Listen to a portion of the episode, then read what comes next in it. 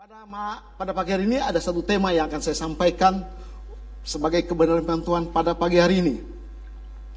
Yaitu saat memiliki keputusan yang benar. Boleh ditampilkan di powerpointnya? Ya. Saat memiliki keputusan yang benar. Setiap kita tidak pernah lepas dari kata-kata pilihan hidup.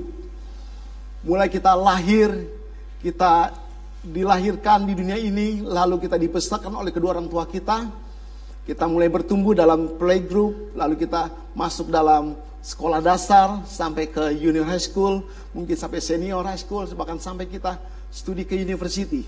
Dan kita tidak pernah lepas dari kata-kata pilihan hidup. Amin Bapak Ibu. Kita tidak pernah lepas dari pilihan-pilihan. Kita mau sekolah pun kita harus pilih jurusan apa yang harus kita ambil. Saya dulu ketika kuliah saya sangat idealis sekali kalau saya kuliah di bidang teknik sipil, saya harus bekerja di bidang teknik sipil. Dan itu Tuhan buktikan sampai hari ini saya bekerja. Itu ada satu pilihan hidup. Ketika kita dewasa pun kita diberikan pilihan hidup. Free will dari dari Tuhan. Ya, kehendak bebas. Kita memilih teman hidup kita. Kita dikasih kebebasan untuk kita memilih. Dan itu adalah suatu pertaruhan hidup kita. Karena itulah pendamping hidup kita seumur hidup. Sampai Kristus datang kedua kali. Ya, Itulah pertarungan hidup. Karena Alkitab kitab suci mengatakan tidak boleh bercerai. Itu satu pilihan yang tepat yang kata harus benar-benar perhitungan secara matang.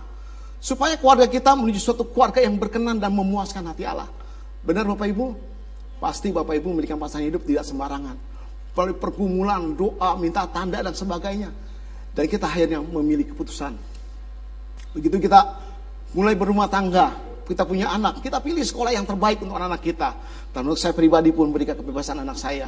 Yang pertama, yang kedua, mau di Jakarta boleh, di, di sini boleh, terserah saya bilang, yang penting kamu hidup diberkati Tuhan. Itu suatu pilihan-pilihan hidup. Termasuk juga dengan kekristenan kita. Bapak Ibu sekarang menjadi Kristen, menjadi orang percaya, itu pun saya yakin bukan hasil cap cip cup. Benar Bapak Ibu? Bukan iseng-iseng atau sekedar tidak ada agama, ataupun sekedar ada identitas. Oh, I'm Christian. Ya. Pasti juga Bapak Ibu mengalami suatu pergumulan hidup, ya. Sehingga Bapak Ibu hari ini hadir tempat ini, ambil keputusan menjadi orang percaya, menjadi orang yang beriman kepada Tuhan. Itu ada satu pergumulan hidup. Ada yang pergumulan ringan, ada yang pergumulannya uh, cukup berat. Ada juga yang tidak ada tantangan. Mungkin Bapak Ibu yang yang Kristen dikarenakan orang tua Kristen, itu Kristen biologis. Karena papa mama Kristen, kita menjadi anak orang Kristen sehingga kita ke gereja. Ya. Juga mungkin karena pergaulan, oh banyak teman-teman ke gereja kita ikut dan kita terpengaruh, ada impartasi secara roh. Ya, sehingga kita merasakan, oh, saya senang lo bergaul dengan orang percaya, dengan orang Kristen. Saya ingin ke gereja lah yang jadi orang percaya. Itu juga menjadi satu pertimbangan orang percaya saat itu. Sehingga kita memilih keputusan untuk menjadi orang percaya. Benar Bapak Ibu? Ya. Begitu juga ada juga yang karena permasalahan hidup. Terbentur, masalah keluarga, konflik, sakit penyakit yang tidak ada ujungnya. Sehingga mengatakan serasa ingin bunuh diri. Tapi ketika ada hamba Tuhan datang menjama, berdoa dan meras dan telah disembuhkan. Sehingga kita mengalami perjumpaan dengan Tuhan. Saat itu Tuhan, aku telah menemukan Allah yang hidup. Allah yang begitu hidup dalam kehidupan. Dan itu menjadi pengalaman pribadi yang pertama dalam hidup saya. Dan sehingga kita menjadi orang percaya. Termasuk saya pribadi pun, saya dari keluarga yang non-Kristen. Dari keluarga Buddha. Dan sejak kecil kita sudah mulai dibawa oleh koko paling besar. Saya tujuh bersaudara dan saya anak paling kecil. Kita semua digiring oleh koko yang besar untuk kita ke gereja sehingga kita bertemu dalam pengajaran firman Tuhan. Orang tua beri kebebasan, kita mengenal Tuhan, lalu kita menjadi orang percaya. Ya. Ada yang ada satu kesaksian dari jemaat yang kami layani. Ada satu keluarga Buddha. Dia suami istri, dia punya seorang putri umur 27 kurang lebih. Dia sudah berkeluarga dan punya anak laki-laki. Satu hari kelak keluarga ini difonis oleh oleh dokter anaknya menderita penyakit kanker lidah. Dia seorang keluarga Buddha. Dan kita kenal baik, kita selalu berdoa, kita mendukung dalam secara spiritual. Fonis sudah dokter, Fonis sudah eh, dokter sudah memberi vonis harus dipotong lidahnya. Dalam keluarga yang sederhana tidak ada dana. Hanya sebagai pegawai biasa. Kedua orang tua ini juga hanya dagang di pasar, jual kue-kue basah dan sebagainya. Ya, jadi tidak mungkin kalau misal harus berobat sampai ke luar negeri. Lalu saya, saya berikan selalu dukungan. Kita tetap percaya sama Tuhan buka jalan. Walaupun dia Buddha, saya terus memberikan dorongan supaya dia tetap percaya sama Tuhan. Ada jalan tuh, ada jalan Tuhan. Selalu kita setiap saya sama istri datang ke rumah dia, kita berdoa. Setiap doa hanya air mata yang keluar. Karena anak satu-satunya, anak tunggal dia. Itu difonis dokter kanker hidung dan harus dipotong.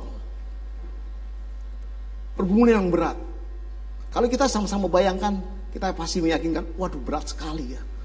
Keluarga sederhana, tidak ada dana, diponis dokter, anak satu-satunya yang kira-kira diharap-harapkan menjadi penopang dari keluarga itu. Karena dia pun mensupport keluarganya. Sekarang yang mensupport sakit, difonis kanker lidah. Harus dipotong. Lalu berdoa. Di situ malam, anak ini pergi KKR. Satu gereja.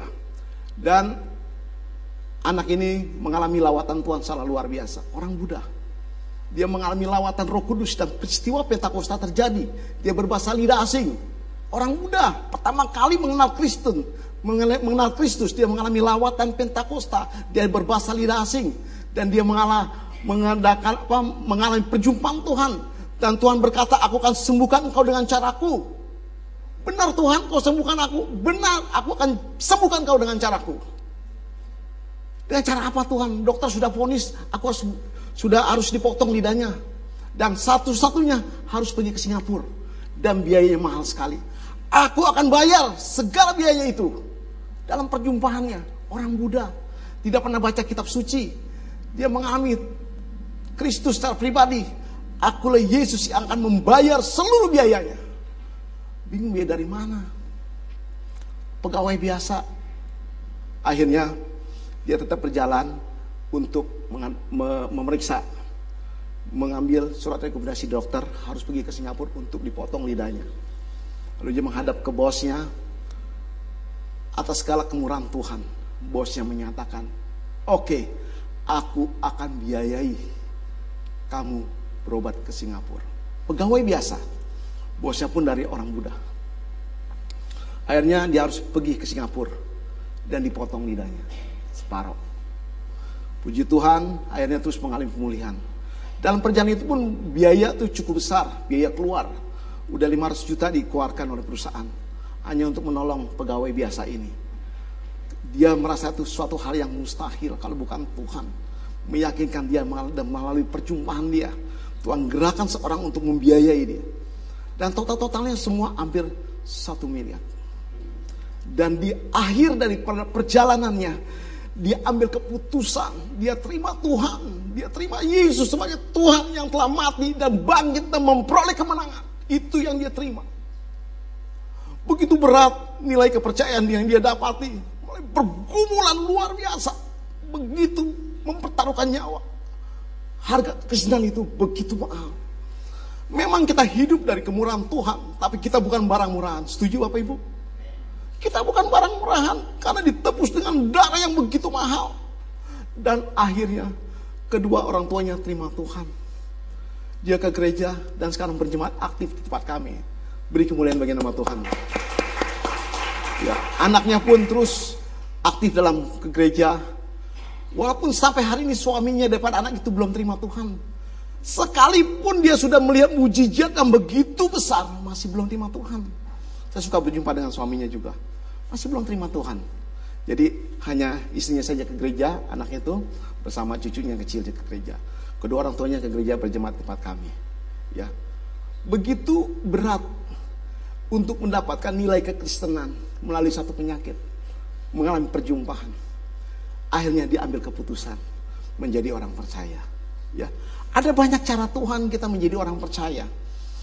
Sehingga saat ini kita boleh menjadi orang percaya dengan cara-cara berbagai cara yang unik. Tapi yang patut kita syukuri, kita telah ambil keputusan yang benar. Amin Bapak Ibu. Kita ambil keputusan yang benar memiliki Tuhan. Mungkin pada awal-awal kita yang tidak mengalami suatu pergumulan hidup, yang tidak mengalami suatu tantangan hidup, kita menjadi percaya, mungkin gambaran kita, oh kekristenan itu identik dengan mujizat. Betul, saya tidak ada mengatakan salah. Kekristenan itu identik dengan sukacita, dengan damai sejahtera. Dan kekristenan itu identik dengan dari berkat-berkat Tuhan yang menyenangkan tubuh. Kita diberkati, pendidikan anak-anak kita sukses, dan uh, hidup kita selalu ada damai sejahtera. Itu mungkin benar-benar saja kalau kita mengharapkan sesuatu dari nilai kekristenan kita. Begitu juga gambaran para murid-murid Tuhan pada awal-awal. Yesus mengajak orang datang pada dia dan memilih murid-muridnya. Yesus mengadakan banyak mujizat, ya lima roti dan dua ekor ikan. Dan begitu banyak mujizat dan orang pada berhimpun, pada mengikuti dia. Kenapa berkat-berkat? Karena apa mujizat? Karena ada kesembuhan. Sesuatu yang menguntungkan dan untuk enjoyan tubuh. Semua orang ber, mengikuti Yesus. Tapi ketika Yesus mulai bicara soal kematian, Yesus pernah bicara soal penderitaan, pikula kuk, pikula salib, pikula penderitaan yang pernah aku alami. Banyak murid-muridnya meninggalkan. Banyak murid-muridnya sudah me melarikan dari pengiringan dia pada Yesus. Sampai dikatakan, kenapa kalian juga tidak pergi? Ketika pada Simon Petrus katakan juga, Apakah kau tidak pergi? Oh tidak, aku tidak sekali tidak mau pergi.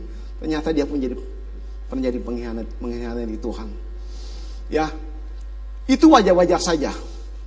Ya memang saya rasakan ada kesalahan-kesalahan daripada gereja yang dilakukan secara masif.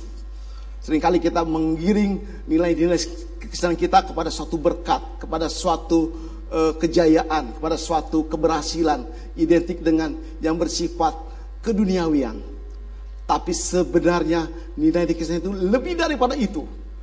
Segala yang bersifat materi, segala yang bersifat uh, menyenangkan tubuh, berkat kesembuhan adalah nilai sebagian kecil daripada nilai-nilai kekesenan. Amin Bapak Ibu.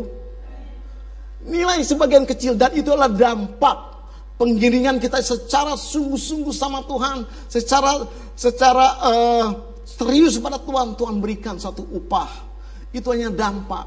Tapi lebih dari itu, ada suatu nilai yang lebih besar. Kasih karunia namanya. Yang selalu melingkupi hidup kita. Kalau Bapak Ibu orang menyakiti Bapak Ibu, Bapak Ibu bisa melepaskan pengampunan. Itu menjadi berkat yang luar biasa. Bapak Ibu pernah dengar kesaksian daripada Ade Sarah, seorang anak tunggal yang dibunuh oleh mantan kekasihnya bersama pacarnya. Ya, Ade Sarah ini seorang wanita yang hampir 20 berumur, ya dia punya dia keluarga Kristen, lalu dia dibunuh oleh mantan pacarnya bersama dengan kekasihnya. Dibunuh secara kejam. Ya. Secara dunia orang pasti mengatakan orang tuanya minta dihukum seberat-beratnya, minta di pertanggungjawaban dan sebagainya dan kata-kata yang tidak enak pasti keluar dari kedua orang tuanya. Tapi beda dengan kedua orang tua ini. Dia orang percaya dan berita ini pun pernah disiarkan secara langsung live di Metro TV. Ketika kedua orang tua ditanya bagaimana pendapat ibu terhadap kedua tersangka ini. Saya lepaskan pengampunan dikatakan. Saya harus melepaskan pengampunan. Itu adalah ajaran Tuhan saya. Kristus telah mengajar saya untuk melepaskan pengampunan kepada orang itu. Luar biasa. Ini satu berkat yang luar biasa. Ya, sehingga dia bisa melepaskan pengampunan. Dan itu geger di Jakarta. Ya, itu adalah kekayaan kasih karunia yang lebih besar. Dia bisa melepaskan pengampunan orang yang telah membunuh anak perempuan satu-satunya. Dia bisa melepaskan pengampunan. Saya pun dalam hati, aduh saya apa bisa sanggup seperti ini ya? Saya yakin bisa kalau roh kudus mendorong saya untuk melakukan hal itu. Ya, ini pun kasih karunia yang luar biasa, berkat yang lebih besar yang kita akan peroleh di dalam Kristus Yesus. Di tengah-tengah pergumulan hidup, penderitaan, kita tetap bertahan akan kepercayaan kita. Ya, beberapa waktu yang lalu, uh, kurang lebih uh, ada satu bulan setengah, ada seorang kawan saya, seorang hamba Tuhan juga, dia berkata gini, aduh saya kesal sekali dengan seseorang itu. Siapa? Dengan hamba Tuhan juga aja kesel. Kenapa? Masa seorang pendeta mati di tangan dukun? Dia bilang, hah? Kenapa di tangan dukun? Karena penderitaan sakit tidak kunjung sembuh. Dia nyerah. Ketika ada orang menawarkan kesembuhan melalui orang pintar. Dia pergi ke dukun seorang pendeta, akhirnya tahu mati di tangan dukun. Tragis ya. Tragis sekali. Maka biarlah saat ini kita akan masuk dalam sesi pembahasan firman Tuhan. Yaitu saat memiliki keputusan benar. Tadi telah saya masuk dalam uh, pendahuluan. Kita akan baca dalam 1 Korintus 6 ayat yang ke-11. Ayat 9 dan 10 dan 11. Tiga ayat yang kita akan baca.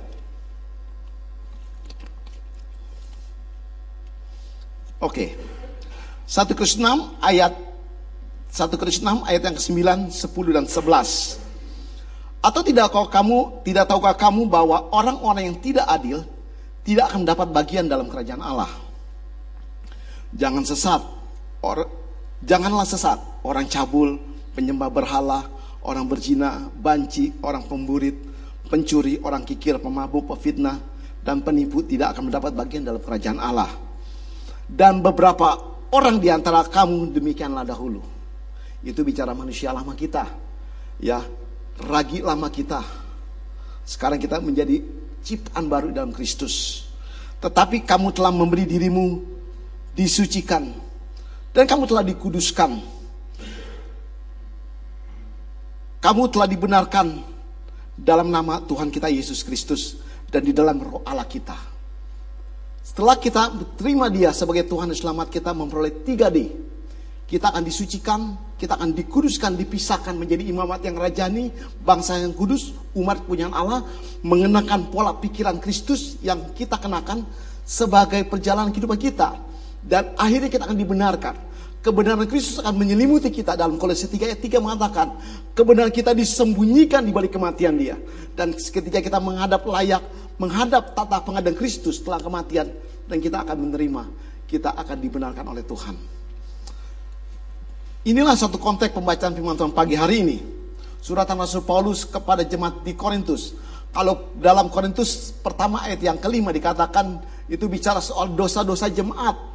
Mereka beribadah seperti ibadah rutin, dia aktif beribadah, tapi tetap melakukan suatu ke melakukan suatu pelanggaran-pelanggaran yang dilakukan yang tidak sengaja maupun disengaja. Seolah-olah hidupnya benar depan Tuhan, tapi Rasul mengatakan itu menjadi suatu kesalahan besar. Tiga minggu yang lalu sebelum saya me, me, ke Sydney, saya melakukan mission trip ke desa, yaitu di, di, di kota Malang. Dan dari kota Malang itu kita masuk sampai ke desa-desa, sampai tiga jam perjalanan masuk desa. Pada awal saya sampai ke kota Malang, saya dijemput oleh hamba Tuhan, lalu kita mulai start pelayanan. Pertama saya kunjungi di kota Malang, seorang hamba Tuhan, mantan pendeta. Mantan pendeta itu saya kunjungi, kita kunjungi lalu kita doakan. Dia pendeta sakit, cuci darah, seminggu dua kali dan kondisi sudah payah.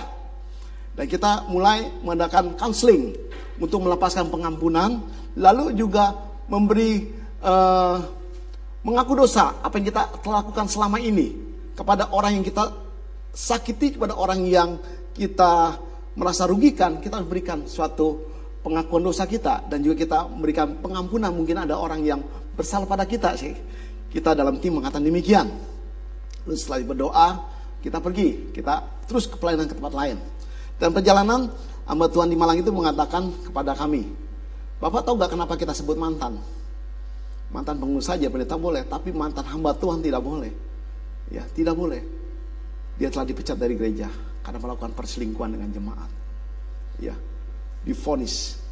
Lalu kita masuk ke desa, kurang lebih tiga jam dari kota Malang ke desa, terus sampai jalannya benar-benar hampir kayaknya nggak ada ujungnya saya bilang. Kok jauh benar gitu ya. Dan itu satu desa hampir menuju ke berbatasan dengan pantai selatan Jawa. Di situ memang desa itu kantong Kristen. Kantong Kristen karena banyak gereja Jawa di situ dan juga berdiri sebuah gereja Pentakosta Isa Al-Masih di situ. Lalu saya bertanya, kenapa kok bisa tiba-tiba di kantong Kristen itu yang mayoritas ada gereja tradisional, lalu tiba-tiba muncul ada gereja Pentakosta. Lalu dia bercerita, Pak Budi tahu gak kenapa gereja bisa berdiri? Itulah hasil satu pergumulan hidup. Se, uh, Gembala Sidani seorang wanita, dia mantan TKW kerja di Hong Kong selama enam tahun, dia aktif doa di Hong Kong lalu dia kembali. Dia melihat kehidupan jemaat uh, tradisional yang sangat menyedihkan sekali.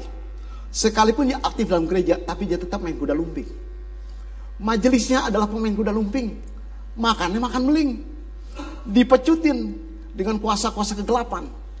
Bahkan hamba Tuhannya pun menjadi pemilik daripada paguyuban kuda lumping. Oh saya kecewa sekali Pak Budi. Melihat itu saya kecewa sekali. Itulah kehidupan kekristenan di tempat ini. Di kantong-kantong Kristen tidak menjadi berkat. Akhirnya dia rintis sebuah sidang jemaat. Itu jemaat Pentakosta.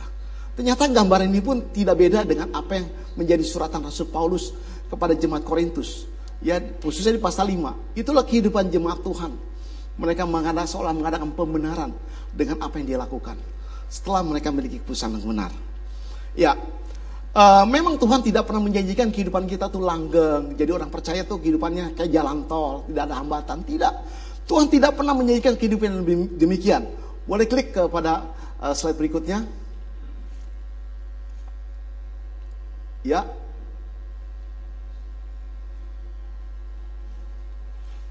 Ya. Saat kita memiliki keputusan yang benar, kita memiliki apa? 3D. Pertama apa Bapak Ibu? disucikan. Kedua, dikuduskan. Ketiga, dibenarkan. Ya, Bapak Ibu jangan lupa ya, setelah kita memiliki pesan benar, kita memiliki tiga, tiga D. Disucikan, dikuduskan, dan dibenarkan. Ya, saya buat simpel supaya kita gampang mengingat. Oh 3D, dapat setelah kita jadi orang percaya, kita disucikan, dikuduskan, dan dibenarkan.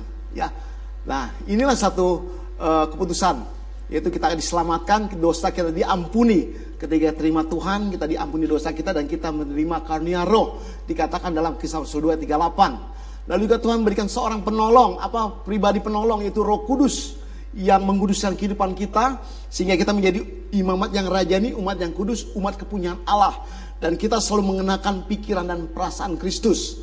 Ya, lalu kita hidup dalam pengharapan. Setelah kita hidup ada masanya.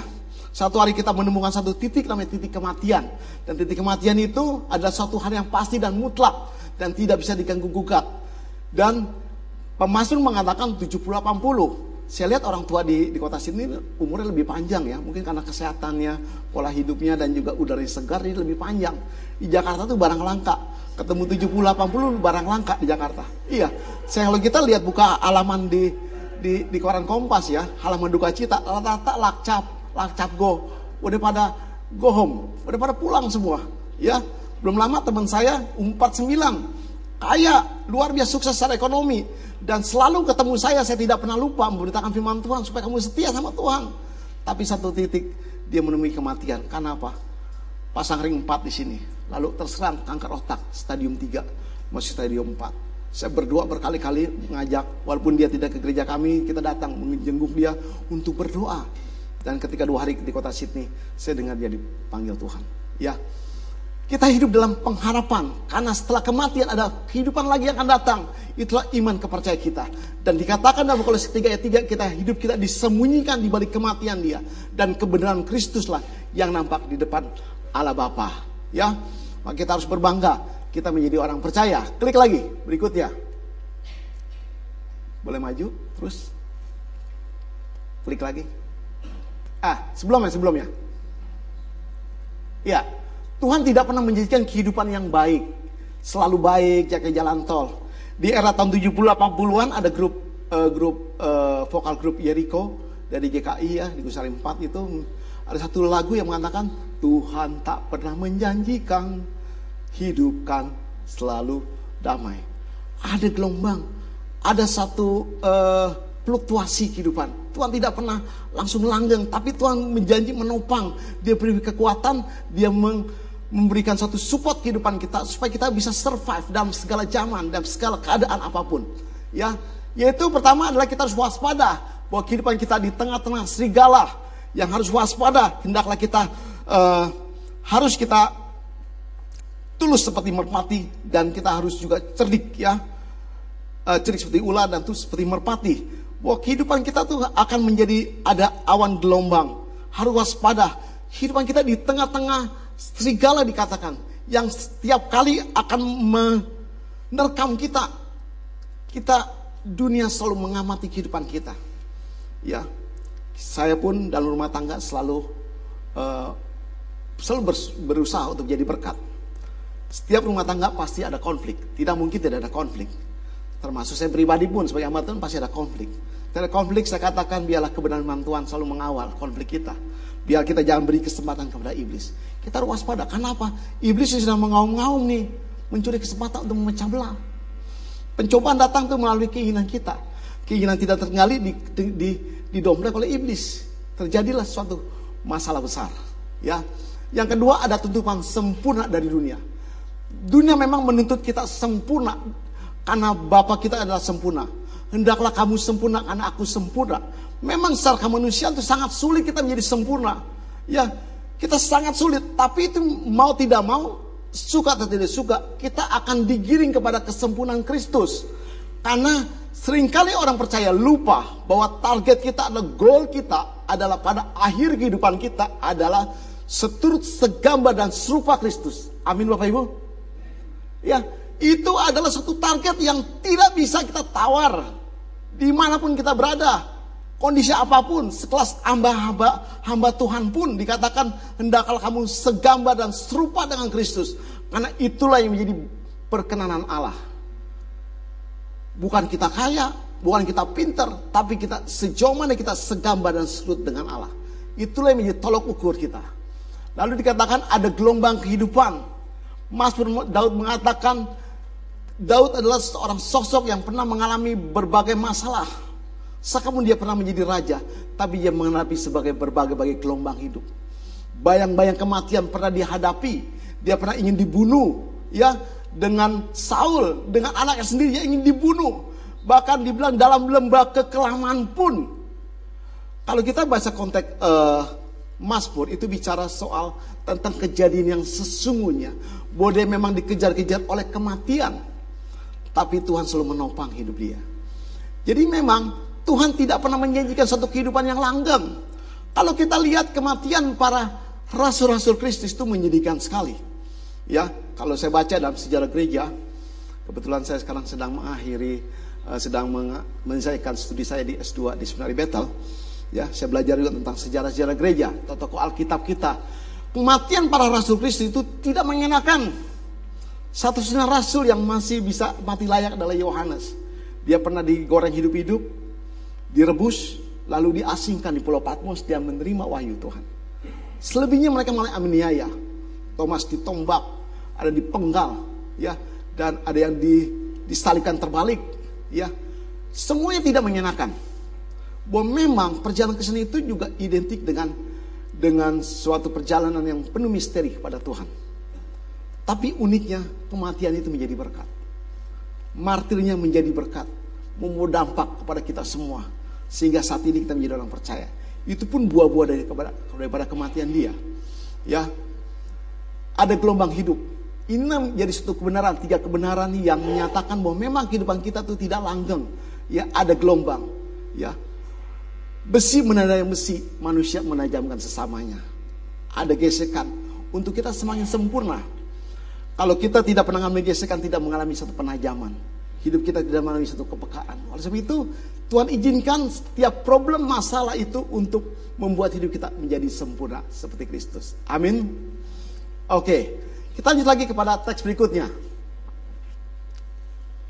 Ya, ketika kita terima Tuhan, kita menulis jalan kebenaran kepada Bapa dan Yohanes 14 ayat 6, kita akan diselamatkan, kita akan disucikan. Lalu dalam perjalanan kita, kita akan dikawal dengan didampingi oleh Roh Kudus yang ada dalam hidup kita. Hidup kita akan disucikan, dikuduskan, dan kita menjadi imamat yang rejani, bangsa yang kudus, umat kepunyaan Allah. Kita selalu di, ad, mengalami satu pendampingan roh kudus dalam kehidupan kita. Lalu kita akan bersentuhan dengan namanya kematian. Suka tidak suka kita akan menemukan satu titik kematian hidup kita. Dan kita akan masuk dari namanya hidup yang kekal. Kita dibenarkan. Dan hidup kita harus serupa dengan Kristus. Itulah gambaran yang Tuhan inginkan dalam kehidupan pribadi kita. Rasul Paulus mengatakan sering kali mengumpamakan kepada jemaat-jemaat yang dia kuatkan.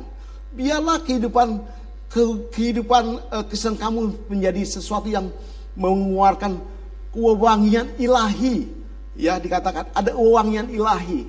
Bahkan terpancar kemuliaan Tuhan. Ada gambaran Kristus yang tertera dikatakan. Bahkan dikatakan kamu adalah kitab suci yang terbuka. Bisa dibaca setiap orang. Ada firman hidup dalam kehidupan kita. Itu adalah gambaran bagaimana Rasul Paulus kepada jemaat-jemaat yang dia kuatkan. Begitu juga kita saat ini. Biarlah ada gambaran Kristus dalam kehidupan kita setiap hari. Ada wangian ilahi. Kehadiran kita di mana pun menjadi berkat. Ya, ada kemuliaan Tuhan terpancar. Setiap orang datang ke rumah kita, orang bisa mengatakan sungguh rumah ini berkati Tuhan. Sungguh rasa saya rasakan ada Allah di tengah-tengah keluarga ini. Setiap kita bekerja, orang bisa mengatakan sungguh tanganmu disertai Tuhan. Kata-kata itu pernah saya dapati. Ketika orang berkunjung rumah saya, dikatakan, oh sungguh rumah ini berkati Tuhan. Rumah ini saya rasakan ada penyertaan Tuhan. Itu yang Tuhan harapkan bagi kita semua sebagai orang percaya. Setelah kita memilih keputusan benar. Oke, kita ke langkah selanjutnya. Ya, langkah selanjutnya. Setelah kita memiliki keputusan yang benar menjadi orang percaya, ada empat langkah, yaitu empat A. Tadi apa? Setelah kita memiliki keputusan yang benar, kita memiliki apa? 3D. Setelah 3D kita akan melangkah, yaitu 4A. Bapak Ibu setuju setelah kita memiliki keputusan benar kita disebut sebagai saksi Kristus? Setuju Bapak Ibu? Amin ya. Karena dalam kisah 1 ayat yang ke-8 menyatakan ketika Roh Kudus turun di atas kita, yaitu berada dalam kehidupan kita, kita akan menjadi disebut sebagai saksi Kristus. Dan akan menjadi saksiku di Yerusalem, Yudea, Samaria dan sampai ke ujung bumi. Jadi kita mengenakan predikat sebagai saksi Kristus. Ya sejak kita percaya kita disebut semuanya orang yang hadir tempat ini menjadi saksi Kristus. Ya, kita menjadi saksi Kristus. Ada satu langkah yang kita harus kerjakan supaya apa? Kita kesan kita bisa survive dalam segala zaman, di segala tempat, di segala situasi, kondisi apa pun, dalam sakit penyakit pun yang tidak kunjung disembuhkan, kekesan kita tetap survive tidak melepaskan kepercayaan dalam penderitaan rumah tangga yang hancur lebur pun tetap bertahan dalam kepercayaannya dan Tuhan bisa pulihkan keluarga yang hancur. Ya, itu yang Tuhan inginkan sejak kita memiliki kepercayaan yang benar, keputusan yang benar dalam Tuhan. Ya, pertama yaitu sebagai saksi Kristus dan targetnya adalah kita harus serupa seperti Kristus. Semirip dan segambar dengan Allah, dengan Kristus kita harus mirip dengan dia, yaitu karakter dan sifat ilahi ada dalam kehidupan kita. Ada buah-buah roh yang kita keluarkan dalam kehidupan kita karena ada Roh Kudus berkarya, Roh Kudus bekerja, Roh Kudus berekspresi dan bergerak dikatakan dalam kisah para rasul. Dia ingin berkarya dalam kehidupan kita sehingga kita menjadi orang yang serupa dengan Kristus. Langkah pertama adalah ada rencana Allah dalam kehidupan kita, ya ada rencana Allah dalam kehidupan kita. Itu adalah A yang pertama. Kita ulangi. Ada rencana Allah dalam kehidupan kita. Ini A pertama ya. Ada rencana Allah. Dalam situasi kondisi apa pun kita yakini ada rencana Allah. Walaupun dalam sakit apa pun ada rencana Allah. Walaupun akan menyentuh dinding kematian ada rencana Allah. Saya yakini. Ya, kita lihat dari peristiwa orang kaya dan Lazarus. Orang kaya yang tidak peka akan rencana Allah dan kehidupan dia. Dia melihat sosok Lazarus adalah sosok penderitaan, sosok yang menyusahkan, sosok yang buang-buang waktu, sosok yang merepotkan, sosok yang tidak bisa punya nilai sosial apa-apa, yang tidak menguntungkan pribadi dia, sehingga ia tidak ada peduli dengan hal itu. Tapi ketika dia sama-sama sama-sama menemui kematian, ada satu bedanya. Lazarus mati, dia langsung di angkat ke pangkuan Abraham. Tapi orang kaya mati langsung dikubur dikatakan. Ya, dan ketika dalam masa uh, setelah kematian, kita bisa lihat tahu ceritanya. Ya, dia bilang kalau bisa beri kesempatan anak dan saudara saya masih ada lima lagi. Tapi Abraham bilang ada kesaksian dari Musa dan para nabi, para hamba-hambamu, dan hamba-hambaku yang akan memberitakan itu. Dia tidak yakin ada rencana Tuhan dengan kehadiran Lazarus di depan rumahnya itu. Sebagai itu sebagai peringatan supaya dia ingat akan kematian itu sudah dekat. Dia lebih care dan peduli sebenarnya. Tapi tidak dia sadari. Ya, tahun 96 saya pernah di, di kota City, saya pernah bekerja selama setahun di sini. Saya pernah jadi tukang cuci piring di sini. Saat itu uh, Indonesia sedang mengalami krisis moneter yang maha dahsyat dan luar biasa. Mungkin Bapak Ibu yang seumuran di atas umur saya pasti tahu Indonesia pernah mengalami krisis moneter yang maha dahsyat. Dan sejarah Republik Indonesia berdiri inilah krisis yang terbesar. Bahkan sebelum perusuhan Mei itu 98 itu e, dolar begitu tinggi. Semua orang mengatakan kamu pulang ke Indonesia suatu tindakan yang bodoh. Kamu e, lebih baik di sini kamu dapat dolar, dapat rupiah jadi di rupiah kan tinggi. Itu logika manusia saya. Ya. Tapi saya sama istri bertekad saya akan kembali ke negeri. Saya ingat peristiwa Naomi dan Ruth. Dia kembali lagi. Setelah kalau kalau Naomi kembali ke Bethlehem dari tanah Moab, itu dia dengar Tuhan sudah memberkati Bethlehem. Tapi saya kembali ke Indonesia saat Indonesia sedang mengalami suatu uh, krisis moneter yang maha dahsyat luar biasa bunga bank di BCA itu 60%. Saya pernah mengalami deposit di BCA 60%. Yang minjem gitu berapa duit?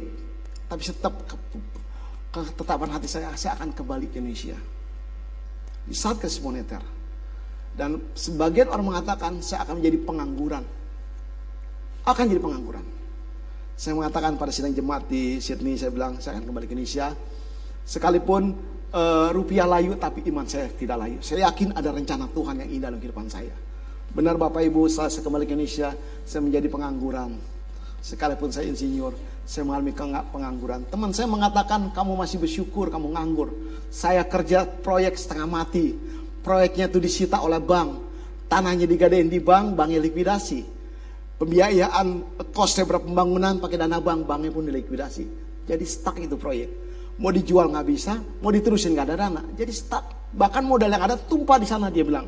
Tau nggak? Kamu masih bersyukur emang kamu nganggur. Waduh, di tengah-tengah di tengah krisis moneter yang maha dahsyat itu saya gak pusing juga ya. Pikir gimana ya. Tapi seorang penolong, inilah Tuhan uniknya berikan seorang penolong yaitu istri. Istri mengatakan buktikan Kristus kamu hidup.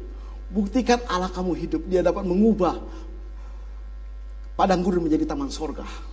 Buktikan Allah kamu hidup.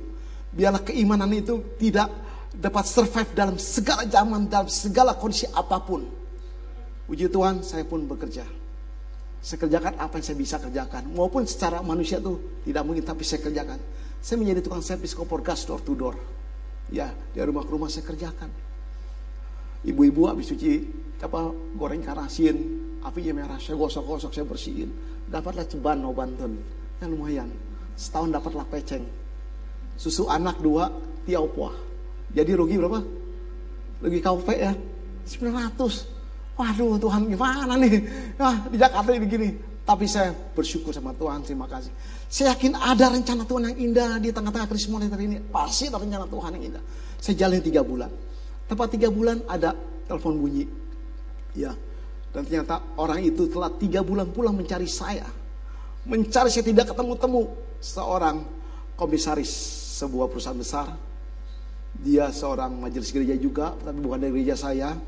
Lalu dia cari berbagai cara, cari saya tidak ketemu. Dan tiga bulan tepatnya dia baru ketemu saya. Saya dipanggil oleh sekretarisnya bahwa kamu dipanggil ibu. Saya menghadap, saya pun tidak kenal terlalu dekat. Ya, saya dipanggil, saya menghadap dia, ada apa bu? Oke, Bud, saya cari kamu tiga bulan tidak ketemu-temu, Bud. Bagi seorang kaya itu mudah kalau ingin mengerjakan sebuah proyek. Ya, ngapain cari-cari si Budi dalam pikiran saya. Tapi saya yakin ini lebih bisa-bisa roh kudus mengatur hidup semua itu. Saya akhirnya, Budi, kamu sekarang renovasi gedung saya. Selama dua tahun saya gedung, renovasi, renovasi gedung itu. Kamu mau, mau pakai kaos NV atau mau stimorong? Saya bilang kaos NV saja, Bu. Karena ini harga fluktuasi dolar masih turun naik turun naik. Ya, itu masih belum kerusuhan Mei. Ya, jadi harga besi beton tuh ini hari berapa, besok udah berapa, begitu fluktuasi, sangat fluktuasi. Maka saya bilang saya kosen fee saja. Yang penting saya tiap, tiap minggu bisa terima uang. Puji Tuhan, akhirnya sampai perjalanan hari ini. Kita yakini dalam segala hal, kita yakini ada rencana Tuhan. Amin Bapak Ibu. Bahkan dalam penderitaan menjelang kematian orang percaya pun jadi berkat. Di jemaat kami ada dari dari orang Buddha, dia kita sudah menangkan, kita sudah terima Tuhan. Lalu berapa tahun jadi jemaat kami, dia sakit. Ada pendarahan otak di kepalanya seorang wanita umur 50-an lebih. Lalu e, dibawa ke dokter dan dokter memfonis ada pendarahan di otak harus dioperasi. Biaya operasi itu kurang lebih 90 jutaan lebih. Kebetulan puji Tuhan dapat kartu sakti dari Jokowi. Ada kartu sakti Jakarta Sehat ya. Dia urus dan puji Tuhan bisa dioperasi. Total-total biaya operasi belah kepala ini itu 90 juta lebih. Tapi dengan kartu sakti ini cuma dapat bayar 1 juta lebih. Puji Tuhan, kita dari gereja mensupport, mendukung, mendampingi nego dengan dengan pihak rumah sakit. Lalu kita selama di operasi pun kita dampingi, kita doa, kita percaya Tuhan bekerja dalam segala hal maupun segala kondisi. Sekalipun kondisi yang pahit menyentuh dinding-dinding kematian pun ada rencana Tuhan pasti. Puji Tuhan, operasi berjalan dengan baik. Dia bisa pulih dan bisa ke gereja kembali. Kurang lebih setahun dia beribadah lagi di gereja kami dan akhirnya menemukan uh, drop kesehatannya sampai tidak bisa bangun dia tidak bisa lagi uh, kuat untuk berjalan tidur dan diinfus di rumah tapi kita terus mengadakan omsel di rumah kita berdoa kita yakin ada rencana Tuhan di balik semuanya ini menjelang berapa hari dia meninggal dia panggil beberapa saudaranya yang belum percaya ada beberapa orang yang belum percaya sama Tuhan dia bilang begini kalau kamu ingin jumpa dengan saya nanti kamu harus ke gereja, kamu harus percaya Tuhan, kamu terima Yesus sebagai Tuhan, kamu akan berjumpa dengan saya di surga nanti. Kata-kata yang sederhana, penuh dengan urapan, itu bekerja secara luar biasa. Akhirnya berapakah hari kemudian orang ini pun meninggal. Dan puji Tuhan, akhirnya beberapa ada empat saudara itu terima Tuhan, dia ke gereja. Ya, puji Tuhan beri kemuliaan bagi nama Tuhan. Itu buktinya di tengah-tengah penderitaan hidup kita pun Tuhan bisa ubahkan menjadi berkat asal kita yakin. Amin Bapak Ibu. Kita yakin ada rencana Tuhan. Itu adalah ketika orang itu menghadapi dinding kematian pun Tuhan beri sisi memberi kesempatan menjadi berkat. Sekarang mereka menjadi keluarga besar yang sudah percaya sama Tuhan dari kalangan Buddha itu semua. Dia dirasakan ada kehangatan luar biasa. Ya, dia tidak pernah menghadapi suatu kehangatan di tengah-tengah keluarga gereja ini dia bilang teh. Ini suatu pengalaman pribadi dikatakan. Puji Tuhan menjadi berkat. Ya, A, pertama apa? Yakin ada rencana Tuhan dalam kehidupan kita. A kedua, klik. Ya, yaitu aktifkan karunia Roh Kudus. Dalam dalam kisah Rasul 2 ayat 38 mengatakan sejak kita percaya dan terima Tuhan itu ada Tuhan ada hadir kita dalam bentuk roh yaitu Roh Kudus dia bertata, dia ber, bereksistensitas, punya keberadaan, ada ruang khusus dalam hati kita. Dikatakan, tahukah kamu bahwa engkau adalah bait Allah, di mana Allah bertata dalam kehidupan kita. Dia ada. Dan dalam kisah pasal 2 ayat 38 mengatakan bahwa Tuhan memberikan karunia roh pada kita. Ya, setiap pribadi kita suka atau tidak suka sejak kita mengakui sebagai Tuhan ada Roh Kudus otomatis ada roh kudus dan roh kudus berikan karunia roh kepada kita. Ada berapa karunia roh? Secara umum ada sembilan karunia roh. Karunia berbahasa lidah asing, karunia menterjemahkan, karunia nasihat, karunia iman, karunia nubuat, karunia firman Tuhan dan sebagainya, karunia penglihatan dan sebagainya. Itulah berbagai karunia roh yang tidak kita sadari itu ada pada kita.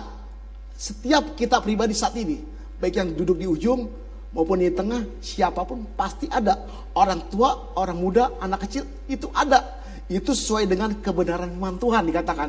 Ada karunia roh yang ada dalam kehidupan kita. Ya. Dan kita harus aktifkan itu. Selama kita tidak mengaktifkan karunia roh, Roh Kudus itu tidak akan berekspresi. Roh Kudus tidak akan ber, bergerak dalam kehidupan kita. Kita harus berani mengekspresikan, kita mau berani mengaktifkan. Dari mana kita tahu bahwa kita memiliki karunia roh tertentu? Kita itu yang tahu adalah Tuhan dan pribadi kita masing-masing. Apa kita punya karunia bersaksi? Karunia nubuat? Karunia mengartikan? Karunia iman? Contohnya saya pribadi. Saya merasakan Tuhan berikan karunia iman.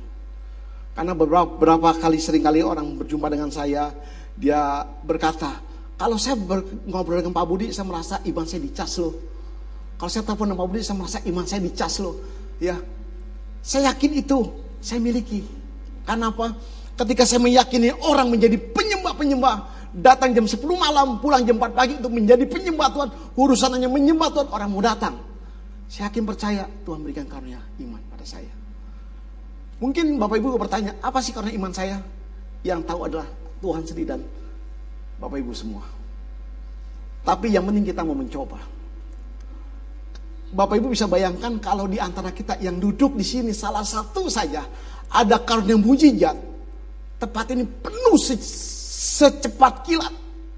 Yakin Bapak Ibu? Karena kesembuhan ilahi. Orang tuh mencari kesembuhan tuh waduh luar biasa beberapa waktu yang lalu dalam doa doa syafaat di gereja tuh yang didoakan kanker banyak benar. Saya bilang sampai bingung. Pak ini nggak salah pak, yang sakit kanker begitu banyak, sampai puluhan orang disebutin tante ini, enci ini, ibu ini, om ini, kanker penyakit itu. Ya, kanker memang itu suatu penyakit yang sangat menakutkan. Ya, belum lama ini dalam uh, ya kami ada familinya terus kaya raya luar biasa, kaya raya mamanya mengidap satu penyakit amyloidosis. Suatu penyakit yang tidak terdeteksi di Jakarta, dibawa ke Singapura terdeteksi. Ternyata penyakitnya itu. Dan penyakit itu tidak ada obatnya. Sampai dokter Singapura sudah angkat tangan, biaya udah satu miliar lebih, ujung-ujungnya tidak tidak ada obatnya, harus dibawa ke Jakarta lagi, menunggu hari kematian. Dokter sudah bunuh tiga hari atau tempat hari akan meninggal, sampai sampai hari ini masih belum meninggal. Ya, ternyata kesembuhan itu sangat dibutuhkan juga bagi, bagi kita semua. Bapak Ibu bayangkan kalau di antara kita yang duduk, duduk manis, diam, dan Tuhan taruh itu karunia kesembuhan nilai. Kita tidak boleh bisa, tidak boleh anggap enteng hal itu. Itu bisa terjadi. Mungkin yang sekarang, ah mana mungkin saya dikasih kesembuhan nilai. Bisa saja. Tergantung apa kerinduan kita. Kita rindu, kita rindu sekali Tuhan diberikan diberikan satu karunia roh khusus pada kita. Ya, setiap hari saya ke bank. Sebelum saya ke proyek selalu mampir ke bank. Dan di bank selalu saya curi-curi kesempatan untuk bisa bersaksi. Semari nunggu di counter bank saya lihat ada yang bisa celah untuk bersaksi, saya bersaksi. Di rumah pun ketika saya terima klien siang hari. Ketika dia butuh terima Injil Tuhan saya bersaksi. Saya aktifkan karunia roh saya. Terus untuk bersaksi dan bersaksi. Dan itu memang sangat efektif sekali. Saya bilang saya waktu saya terbatas. Apa pun yang saya dapati saya akan utamakan. Saya mau aktifkan karunia roh. Bapak Ibu mungkin sibuk di Sydney. Ya, kesempatan di tempat kerjaan, di bus ketemu sama orang Indonesia mungkin, atau di mana pun di sekolah, kita mau berani melangkah, mengaktifkan karnia roh. Entah itu bersaksi, lihat ada jemaat yang sakit, ada kerinduan untuk berdoa, mengunjungi, kita berdoa. Setiap dengar orang sakit kita jangan lupa untuk kita mau berdoa. Pasti yakin Tuhan berikan nanti suatu karya kesembuhan nilai. Sebentar saja tempat ini penuh kalau satu orang ada kesembuhan nilai atau orang jemaat dilengkapi secara utuh karunia roh ke semua nilai. Maka kita tidak boleh anggap enteng akan karunia roh. Itu luar biasa, menggegerkan. Ya, itu A kedua. A kedua apa? Aktifkan karunia roh. Ya, Bapak Ibu ingat ya 4A. Pertama ada ada rencana Tuhan dalam hidup kita. Yang kedua adalah aktifkan karunia roh. Yang ketiga, ya Allah menjadi kebutuhan hidup. Ya, kita baca dalam Mazmur 73 ayat 26. Boleh Bapak Ibu salah satu anak muda bantu saya baca? Boleh Bapak Ibu anak muda bantu yang semangat baca firman Tuhan? Kenapa tidak bergairah baca Alkitab? Siap, saya mau baca. Ayo,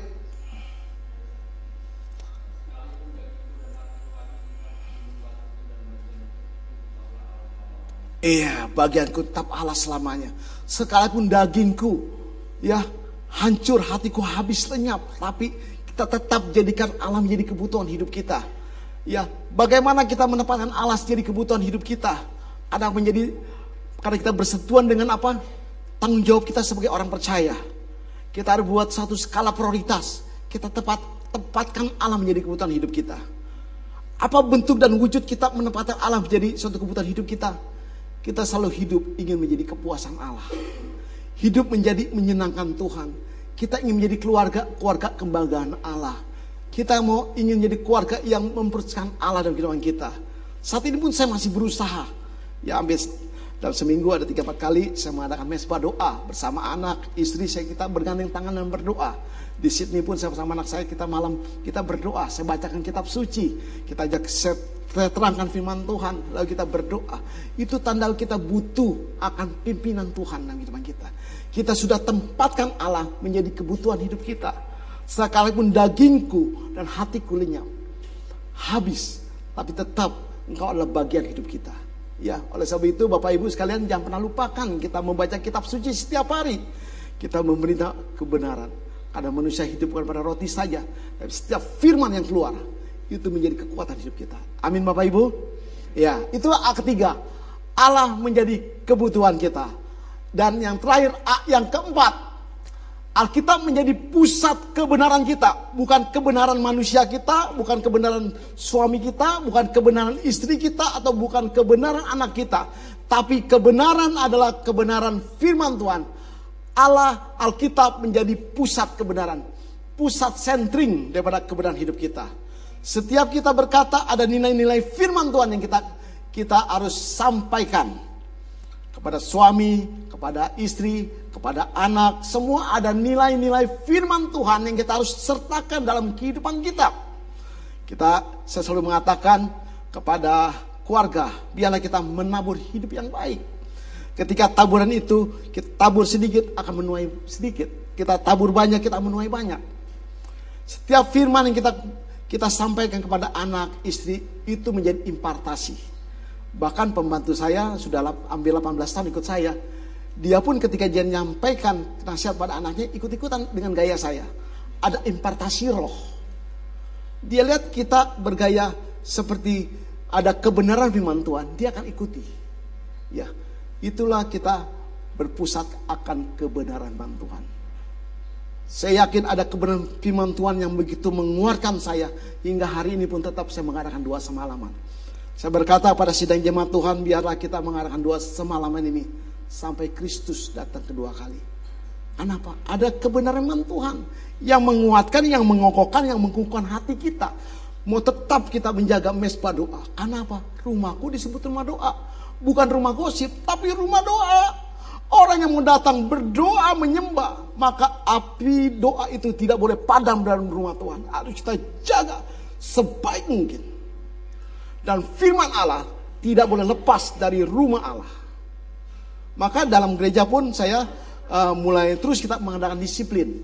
Setiap mereka mau, mau dibaptis kita harus mengikuti katekisasi supaya sebanyak 8 kali pertemuan agar mereka ketika dia telah dibaptis dia akan menempuh perjalanan kekristenan dia mungkin 10, 40 atau 50 tahun ke depan dia tetap eksis dalam Kristen dia. Mereka ingin masuk daftar rumah tangga pun kita harus ada katekisasi pernikahan melalui bimbingan pranikah. Ya, kita berikan bagaimana prinsip-prinsip pernikahan Kristen. Yang kedua adalah bagaimana mengelola konflik rumah tangga menjadi berkat. Karena setiap kita masuk jenjang rumah tangga tidak lepas dari kata konflik. Dan konflik kita harus diolah menjadi berkat. Apakah konflik dapat menghadirkan neraka atau surga? Itu pilihan hidup kita. Oleh sebab itu biarlah kita berpusatkan akan kebenaran firman Tuhan. Ya, suami biarlah hendak mengasihi istri dan istri harus menolong daripada suami. Ya, kepala keluarga adalah suami. Kepala suami adalah Kristus sebagai kepala gereja kita. Itulah suatu struktur organisasi dalam sesuai dengan kebenaran firman Tuhan. Amin Bapak Ibu. Jadi empat tak apa? Yang pertama ada rencana Allah dalam kehidupan kita. Dalam segala kondisi pun ada yakin ada rencana Allah. Sekalipun kita akan menemui dinding-dinding kematian pun Pasti ada rencana Allah. Yang kedua, aktifkan karya roh yang ada pada kita. Ya. Yang ketiga, Allah menjadi kebutuhan hidup kita. Kita selalu menepat Allah menjadi kebutuhan kita karena kita selalu membuat skala prioritas. Karena ada tanggung jawab sebagai orang percaya. Ya. Yang keempat adalah Alkitab menjadi pusat kebenaran. Inilah empat kebenaran yang saya bisa bagikan pagi hari ini. kiranya menjadi berkat bagi kita semua. Sebagai kesimpulannya adalah terakhir, boleh klik? Ya. Aku percaya, aku dapatkan yang terbaik. Amin. Mari kita bagi berdiri. Kita angkat lagu ini. Aku dapatkan yang terbaik. Boleh dibantu oleh singer dan WL.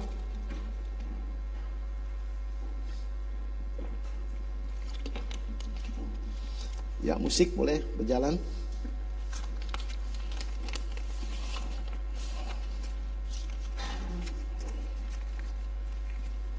Aku percaya ku dapatkan yang terbaik. Boleh tampilkan? Aku percaya ku dapatkan dalam hidupku kata-katanya begini, aku percaya aku dapatkan yang terbaik. Saya bacakan.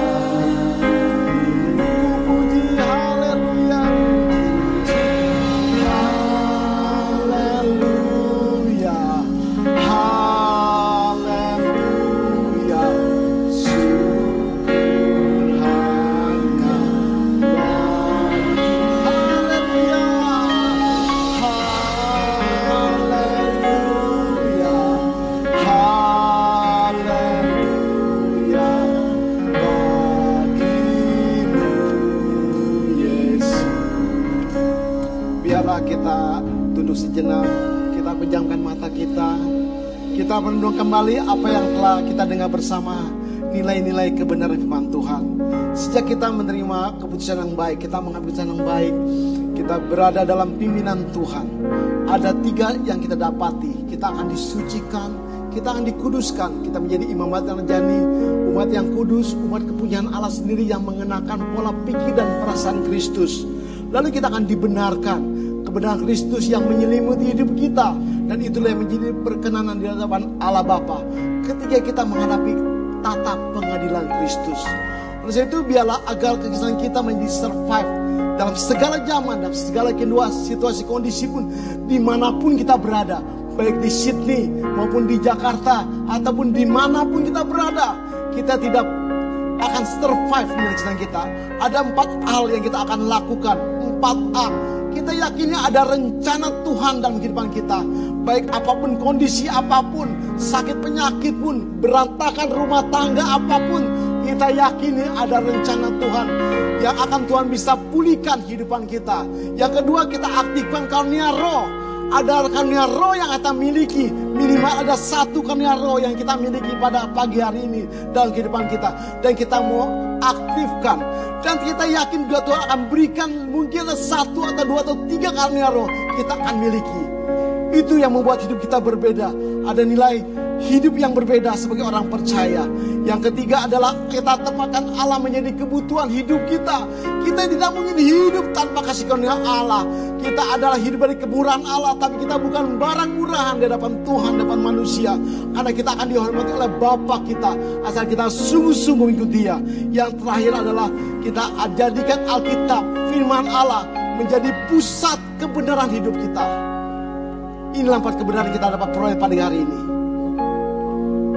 Saya undang siapa ingin rindu. Mungkin saat ini mengalami satu pergumulan hidup. Kita angkat tangan depan Tuhan. Kita nyanyikan lagu ini dengan iman. Kita percaya bahwa saat ini kita memiliki keputusan yang benar. Yes, aku percaya. Amin. Yes. Aku percaya ku dapatkan angkat tangan kita depan Tuhan.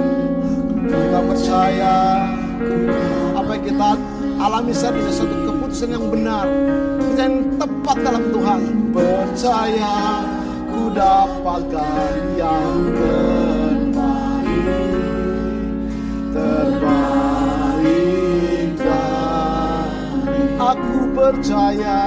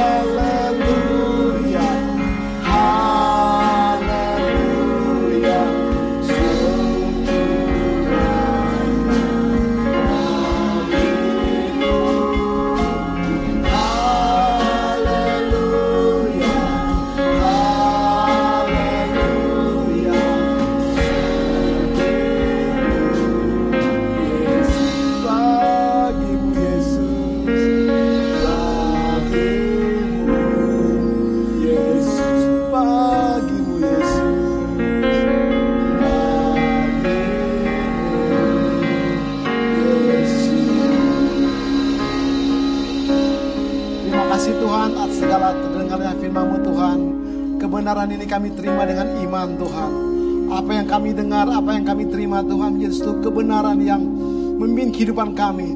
Agar keimanan kami, Kristen kami tetap survive dalam segala zaman, situasi, kondisi apa pun Tuhan. Terima kasih Bapak. Biarlah Tuhan pimpin langkah kami selanjutnya. Kami percaya firman-Mu yang ditaburkan tidak pernah kembali sia-sia. Tuhan meteraikan dan kuasa firman dan kuasa roh kudus-Mu Tuhan. Terima kasih Bapak. Dan firman-Mu akan bertumbuh terus. Hamba terbatas berbicara. Tapi roh kudus-Mu terus berkarya. Berekspresi dan bergerak dalam kehidupan kami. Terima kasih Bapak, terima kasih. Hanya dalam nama Tuhan Yesus. Kita semua yang percaya sama-sama katakan amin. Beri